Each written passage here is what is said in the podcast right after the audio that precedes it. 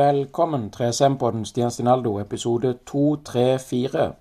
I dag så vil jeg dele litt eh, tips og råd om eh, hvordan du kan eh, jobbe med langvarig helseproblemer og funksjonsnedsettelse som følger symptomer, og forstå hvordan du kan mestre disse forskjellige tingene. Fordi denne uka fikk jeg ikke til å treffe med gjesten tidsmessig, så det blir et opptak til uka og neste uke. Men i hvert fall, sett deg godt til rette, finn noe godt i glasset, og så skal jeg lese Forstå vanlige symptomer og dele litt tips og triks. Hjertelig velkommen. Forstå vanlige symptomer. Med langvarige helseproblemer og funksjonsnedsettelse så følger det symptomer. Disse symptomene er kroppens signaler på at det skjer noe uvanlig. Da kan de være usynlige og vanskelige å beskrive for andre, og de kan også ofte være vanskelige å forutse. Selv om flere av symptomene er vanskelige, kan tidspunktet de oppstår på og hvordan de rammer oss, være veldig personlig. Disse symptomene, som inkluderer tretthet, stress, tung pust, smerte, kløe, sinne, depresjon og søvnproblemer, kan virke inn på hverandre. Dette kan i sin tur føre til at de eksisterende symptomene forverres, og eller nye symptomer eller problemer utvikles. Uansett hva som forårsaker disse symptomene, er måten vi kan håndtere de på lik. Dette er selvhjelpsverktøyet vårt. Dette kapitlet drøfter om noen av de vanligste symptomene for flere tilstander, i tillegg til noen av årsakene. Verktøy som du kan bruke for å ta vare på deg sjøl og mestre, det er måter du håndterer symptomene på. Dette er måter eller verktøy der du kan bruke tankene dine for å påvirke symptomene. Mestre vanlige symptomer. Å lære seg å mestre vanlige symptomer er veldig lik prosessen med problemløsning. Før du kan mestre et symptom, er det viktig å finne ut hvilke symptomer du har. Deretter er det nødvendig å prøve å finne ut hva som forårsaker symptomet når du opplever det. Selv om dette høres ut som en enkel prosess, er det ikke alltid så lett, fordi symptomene og problemene forårsaka av en langvarig tilstand kan være mange, sammensatte og ofte forbundet med hverandre. Personer med en langvarig tilstand kan oppleve mange forskjellige symptomer, og hvert symptom kan ha flere årsaker. Måten disse symptomene påvirker livet på, er også forskjellig. Alle disse faktorene kan bli en stor floke, akkurat som løse tråder på garnnøst i en kurv. For at vi skal lykkes i å håndtere disse symptomene, må vi finne ut hvordan vi skal nøste opp i alle de løse trådene. En enkel måte å greie ut floga på er daglig skrive stikkord i en notatbok, altså en dagbok eller loggbok. Dette kan være så enkelt som å skrive ned symptomene og hva du gjør på en kalender. Etter én til to uker vil du antageligvis se mønsteret ditt. For eksempel spiser du middag seint på kvelden i løpet av ei uke og våkner midt på natta med magesmerter. Da vil du være klar over at når du spiser så seint på kvelden, jobber magen din tyngre, og du bestemmer deg for å spise middag tidligere. Tips for å trene på forskjellige symptommestringsteknikker. 1. Velg en teknikk som du prøver først. Gi denne teknikken en tilstrekkelig prøveperiode, og vi anbefaler at du bruker den minst to ganger daglig i to uker før du bestemmer deg for om denne teknikken vil kunne hjelpe det. 2. Prøv også noen andre teknikker, og bruk like lang prøveperiode på hver av de. To uke to ganger daglig. Det er viktig å prøve mer enn én teknikk, fordi noen kan være mer nyttig for et spesielt symptom, eller du kan finne ut at du rett og slett foretrekker noen teknikker fremfor andre. 3. Tenk over hvordan og når du vil bruke hver teknikk som du har valgt. Noen av teknikkene kan f.eks. kreve større endringer i livsstilen. Når du prøver ut de forskjellige teknikkene, kan du også oppleve at noen passer bedre til å mestre spesifikke symptomer, og ikke så bra for andre.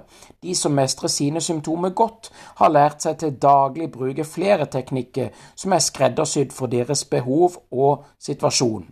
4. Plasser noen stikkord omkring deg for å minne deg på at du skal øve på disse teknikkene. Det er nemlig viktig å være både konsekvent og trene for å mestre nye ferdigheter. Plasser f.eks. en gul lapp der du ikke kan unngå å se den på speilet, nær telefonen, kjøleskapet, kontoret eller dashbordet i bilen. Du bør flytte lappene iblant, slik at du fortsetter å legge merke til de. Fem. Prøv å forbinde øvingen på hver teknikk med andre gjøremål som du har, slik at de blir en del av din daglige rutine. Du kan f.eks. la avspenning være en del av nedtrapping etter trening. Du kan også be en venn eller et familiemedlem om å minne deg på at du skal øve hver dag, og kanskje de til og med har lyst til å delta selv. Et annet eksempel er hver gang du går for å danse, får du vondt i føttene dine, men dette skjer ikke når du går. Det kan vise seg at de er ulike skoene du bruker som utgjør forskjellen, ettersom du bruker et par sko til å danse med og et annet par sko når du er ute og går. For mange mennesker er det å kunne oppdage mønstre det første steget på å mestre symptomer. Se skjema som viser et eksempel på en dagbok. Tretthet og utmattelse. Å ha langvarig helseproblem eller en funksjonsnedsettelse kan tappe deg for energi. Derfor er tretthet og utmattelse et stort problem for mange. Tretthet er ikke noe som kanskje sier bare psykisk. Uansett hva årsaken til trettheten er, så kan det hindre deg i å gjøre ting du ønsker å gjøre. Ofte kan en slik tretthet bli misforstått av de som ikke har en langvarig helseproblem eller funksjonsnedsettelse. Dessverre forstår ikke ektefelle, familiemedlem og venner alltid hvordan den uforutsigbare trettheten kan påvirke deg. De kan feiltolke det som er du er ikke interessert i å delta på visse aktiviteter, eller som at du ønsker å være alene. Noen ganger vet du ikke engang selv hvorfor du føler det slik. For å mestre tretthet eller utmattelse er det viktig å forstå trettheten kan ha mange årsaker som 1. Helseproblem eller funksjonsnedsettelsen i seg sjøl. Uansett hvilket helseproblem eller funksjonsnedsettelse du har, vil aktiviteten kreve mer energi av det. Med et langvarig helseproblem vil kroppen mindre effektivt til å bruke energi som er forbeholdt dagligdags aktiviteter. Dette skyldes at noe av den energien brukes i kroppens forsøk på å helbrede seg selv. 2 passivitet. Muskler som ikke brukes, blir svekka og mindre effektive til å gjøre det de er ment å gjøre. Hjertet som er laget av muskelvev, kan også svekkes. Når dette skjer, minsker hjertets evne til å pumpe blod, nødvendige næringsstoffer og oksygen til andre deler av kroppen. Og når musklene ikke mottar tilstrekkelig med næringsstoff og oksygen, kan de ikke fungere skikkelig. Svekka muskler blir fortere slitne enn muskler som er i god stand, nemlig de som mottar tilstrekkelig forsyning med blod, oksygen og næringsstoffer. 3. Dårlig ernæring. Mat er vår hovedkilde til energi, og hvis brenselet vi tar inn ikke er noen god kvalitet og eller avpassende mengde, så kan tretthet eller utmattelse bli resultatet for noen føre overvekt til tretthet. Overvekt fører til en økning i mengden energi som er nødvendig for å utføre daglige gjøremål og for andre kan undervekt gi problemer med tretthet. Dette gjelder særlig for de som har kronisk obstruktivt lungesykdom eller kols. Mange med kols opplever plutselig vekttap av endra spisevane, og derfor blir de trettere. 4. Utilstrekkelig hvile. Av mange grunner kan det hende at vi får litt lite søvn, eller at søvnen er av dårlig kvalitet. Dette kan medføre tretthet den siste delen i dette kapitlet omhandler søvnproblemelse. Fire. Følelser, stress og depresjon kan også medføre betydelig tretthet. De fleste er klar over sammenhengen mellom stress og tretthetsfølelse, men færre er klar over at tretthet også er et viktig symptom på depresjon. Og sist legemidler. Hvis noen legemidler kan føre til tretthet, noen legemidler kan føre til tretthet. Hvis du tror at trettheten har sammenheng med legemidlene du bruker, snakk med legen din. Noen ganger er det mulig å bytte legemidler eller forandre dosering. Så hvis tretthet er et problem for det, er din første oppgave å finne årsaken. Igjen kan det være nyttig å føre dagbok. Spiser du sunn mat? Trener du? Får du nok kvalitetssøvn? Hvis du svarer nei på noen av disse spørsmålene, kan det være kan du være på vei til å finne en eller annen årsak til trettheten din. Det er viktig å huske at trettheten din kan være forårsaka av mye annet enn sykdom, og for at du skal være klar over å bekjempe forhindre tretthet eller utmattelse, må du derfor ta tak i de ulike årsakene til trettheten. Dette innebærer å prøve forskjellige teknikker eller selvhjelpsverktøy. Hvis trettheten er forårsaka av dårlig kosthold, som f.eks. at du får i deg for mange tomme kalorier i form av junkfood, gatekjøkkenmat eller alkohol, så er løsningen å spise mat av bedre kvalitet i riktig mengde. For andre kan problemet være en minska interesse for mat, som fører til mangel på kalorier og påfølgende vekttap. Ved langvarige helseproblemer er smertestillende slik som narkotiske analgek gruppe A-preparater generelt ikke nyttige. Videre kan slike preparater være farlige for mennesker med svekka åndedrettsfunksjon, fordi disse stoffene senker pustefrekvensen og gjør eksisterende pusteproblemer verre.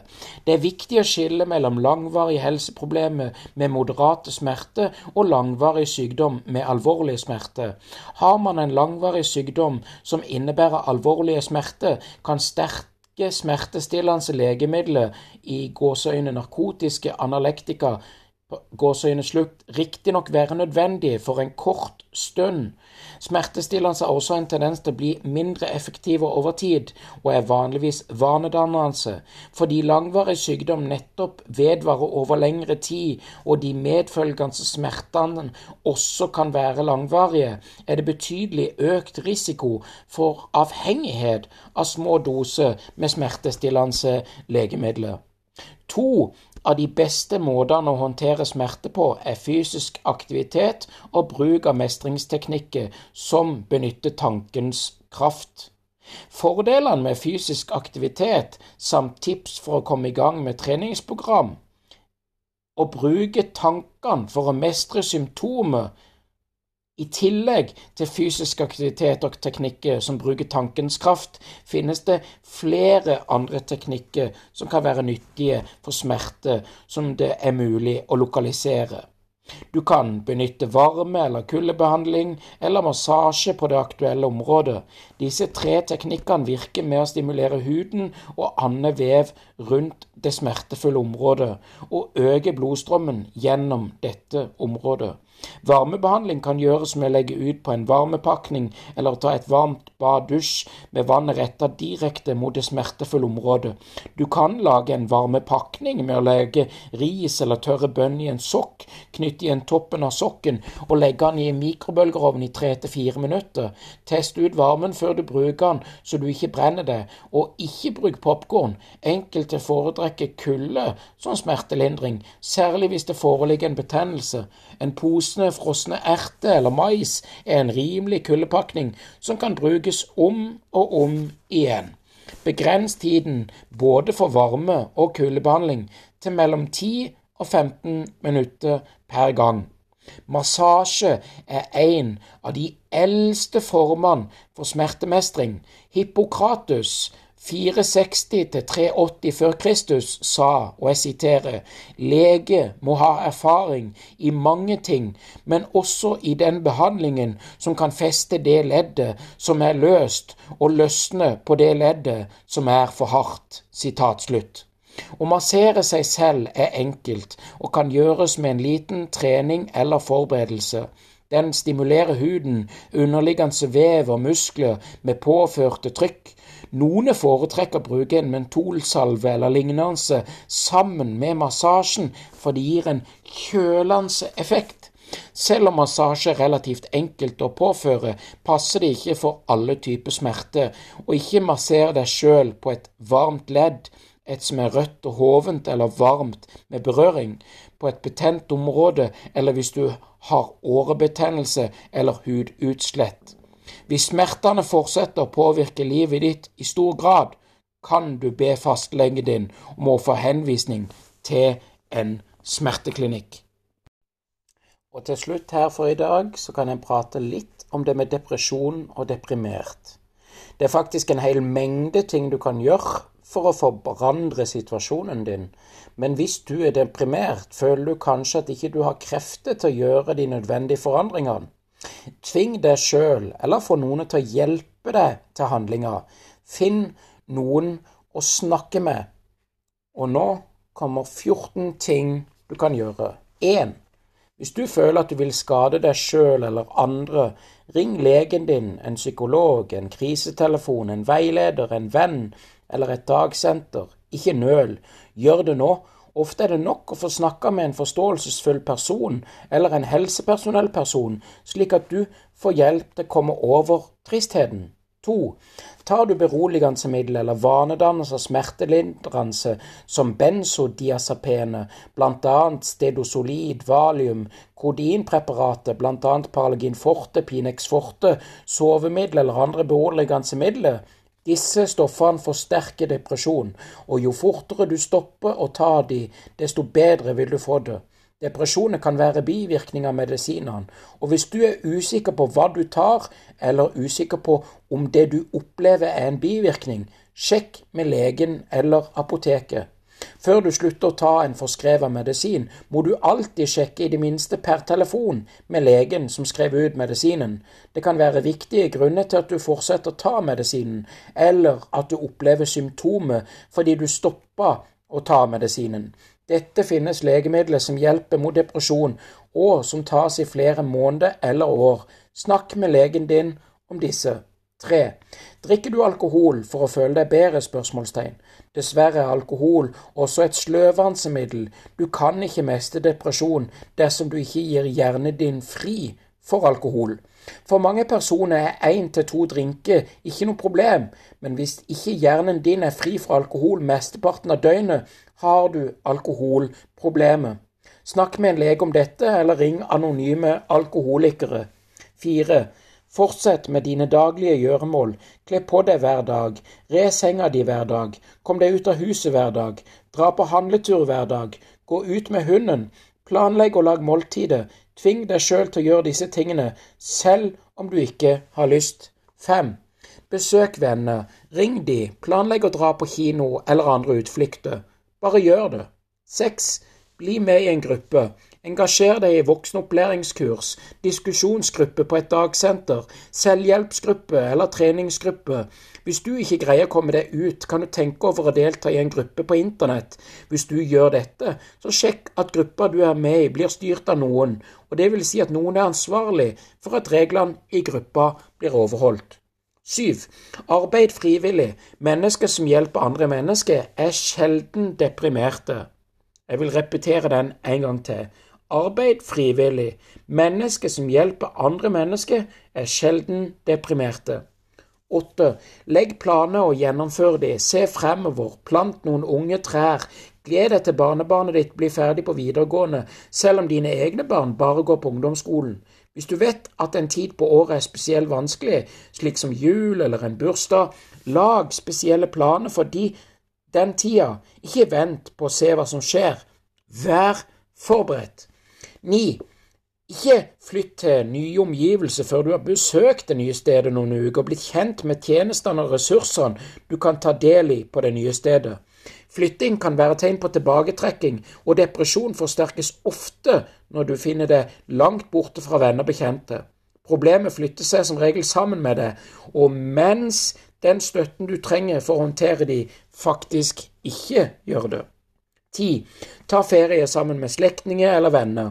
Ferie kan være så enkelt som noen få dager i en by i nærheten, eller et sted bare noen få kilometer unna. I stedet for å dra alene, kan du prøve å finne turer som er sponsa av organisasjoner eller andre grupper. 11. Vær i fysisk aktivitet eller tren. 20-30 minutter hver dag. 11. Vær i fysisk aktivitet eller tren 20-30 minutter hver dag. 12. Lag en liste over belønninger til deg sjøl. Ta vare på deg sjøl. Du kan gi deg en belønning med å lese til en bestemt tid, se en bestemt teaterstykke eller kjøpe noe, stort sett lite, som du kan se fram til. 13. Bruk positiv tenking, selvsnakk, som for eksempel en positiv lov. Tenk positive tanker, bruk positive ord, gjør positive handlinger, og det positive gror. Og du kan gi deg sjøl en belønning. Bruk den positive tenkninga av selvsnakket. Denne teknikken der du benytter tankens kraft, er et veldig, veldig kraftig verktøy mot depresjon. Og 14. Oppsøk profesjonell hjelp. Ofte kan samtaleterapi og eller korrekt medisinering langt på vei dempe depresjon. Å oppsøke profesjonell hjelp og eller ta medisiner er ikke noe tegn på svakhet, det er et tegn på styrke. Depresjon fører med seg mer depresjon, så bryt denne sirkelen.